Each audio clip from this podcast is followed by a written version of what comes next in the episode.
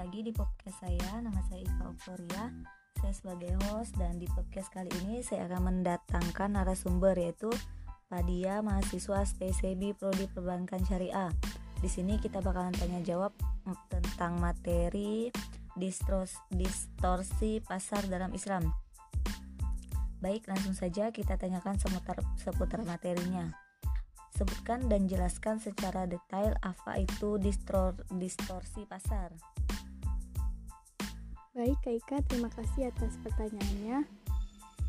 Nah, pasar distorsi pasar adalah pasar menentukan harga dan cara berproduksi. Tidak boleh ada gangguan yang mengakibatkan rusaknya keseimbangan pasar tersebut. Namun, dalam kenyataan sulit ditemukan pasar yang berjalan sendiri secara adil. Kondisi demikianlah kita sebut sebagai distorsi pasar. Dalam kenyataannya, distorsi pasar tetap sering terjadi sehingga dapat merugikan para pihak yang terlibat sebagai pelaku pasar. Maka, sehubungan dengan mekanisme pasar di atas, dalam sistem ekonomi harus menyesuaikan dengan apa yang terkandung dalam sistem ekonomi Islam. Karena secara umum dapat dikatakan bahwa dalam sistem ekonomi Islam terdapat nilai-nilai yang masuk dalam keilmuan berdasarkan norma dan kaidah yang berasal dari Al-Qur'an, dari Al-Qur'an dan hadis. Dalam konsep Islam, interaksi antara sisi penawaran dan permintaan haruslah terjadi rela sama rela dalam melakukan transaksi keadaan rela dalam keadaan tersebut salah satu pihak berbahagia di atas penderitaan orang lain. Distorsi pasar ini sering dilakukan oleh para pelaku pasar untuk mencari keuntungan cepat atau di atas wajah dengan merugikan pihak lain. Distorsi ini menciptakan ketidakadilan dan ketidakseimbangan di pasar menguntungkan bagi satu pihak tetapi merugikan bagi pihak lain. Beberapa tindakan yang bersifat kezoliman di pasar dapat menyebabkan kondisi terjadinya distorsi baik dari sisi penawaran maupun permintaan. Kondisi kondisi ini mengakibatkan harga ber, harga berada dalam kondisi ketidakseimbangan di mana pertemuan antara supply dan dem, de, demand terjadi karena ada faktor-faktor kejahatan bukan disebabkan oleh faktor-faktor yang bersifat alamiah yang tidak dapat dihindari oleh manusia seperti cuaca, bencana alam, dan lainnya. Beberapa tindakan bukan alamiah tetapi karena tindakan kejahatan seseorang atau sekelompok orang di pasar yang menjadi pemicu terjadinya distorsi pasar. Terjadinya di, uh, terdapat yang pertama itu yang dapat memicu terjadinya distorsi pasar adalah rekayasa permintaan dan rekayasa penawaran di mana dibagi menjadi yang pertama itu ikhtiar, ikhtikar. Ikhtikar yaitu melakukan penimbunan barang dengan tujuan spekulasi sehingga ia mendapatkan keuntungan besar di atas keuntungan normal atau dia menjual hanya sedikit barang untuk mendapatkan harga yang lebih tinggi sehingga mendapatkan keuntungan di atas keuntungan normal, iktikar sering kali diterjemahkan sebagai monopoli dan atau penimbunan penimbunan. Padahal sebenarnya iktikar tidak identik dengan monopoli dan atau penimbunan. Dalam Islam siapa pun boleh berbisnis tanpa peduli apakah dia satu-satunya penjual atau ada penjual lain.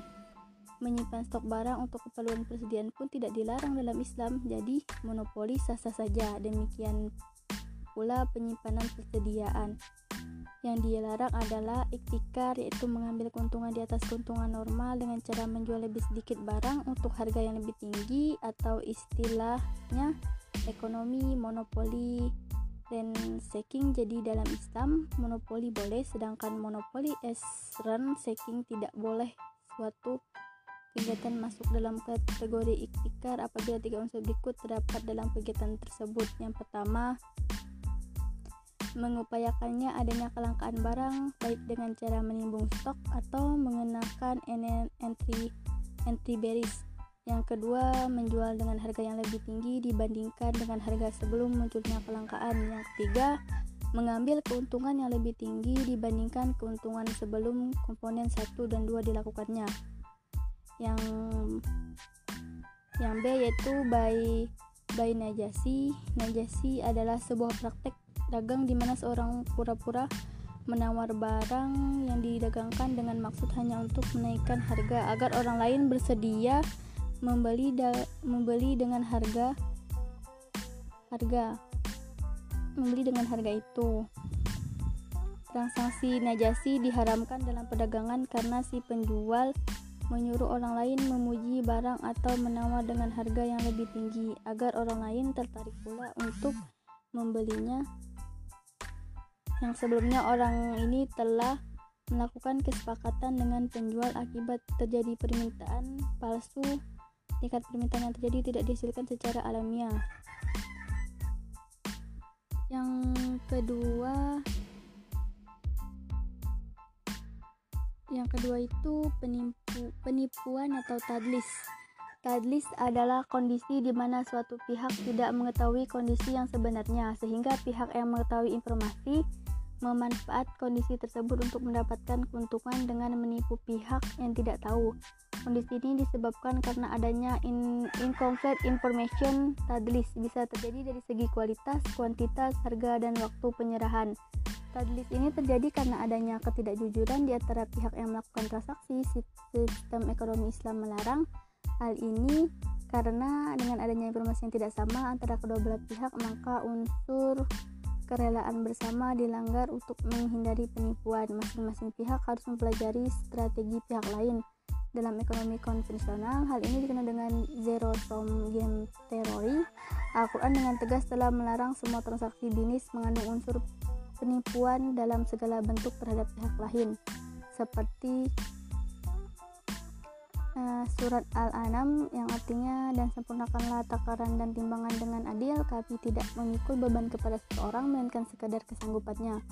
Yang ketiga itu tagril berasal dari kata bahasa Arab gagoror yang berarti akibat bencana bahaya risik dan ketidakpastian dalam istilah fiski muamalah Takrir berarti melakukan sesuatu secara membabi buta tanpa pengetahuan yang mencukupi atau mengambil risiko sendiri dari suatu perbuatan yang mengandung risiko tanpa mengetahui dengan persis apa akibat atau memasuki kancah risiko tanpa memikirkan konsekuensinya. Jual beli garar goror ialah suatu jual beli yang mengandung ketidakjelasan atau ketidakpastian.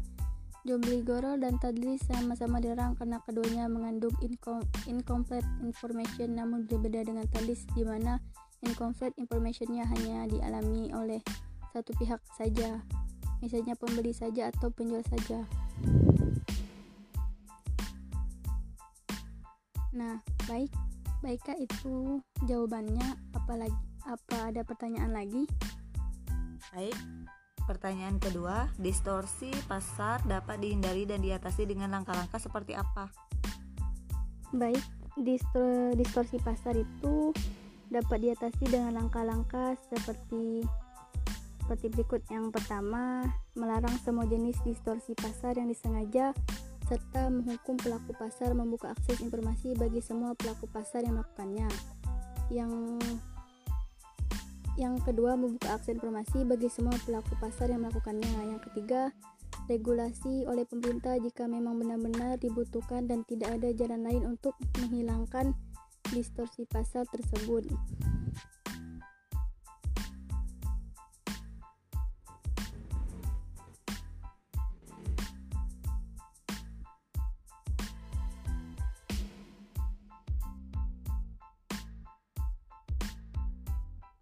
Nah, untuk di cara menghindari distorsi pasar dan Langkah-langkahnya itu sudah dijelaskan terdapat tiga. Terima kasih atas pertanyaannya Kak Ika. Semoga penjelasan saya bisa dimengerti dan bisa diterapkan di di kemudian di kemudian hari atau di ke itu saja. Terima kasih atas pertanyaannya Kak Ika.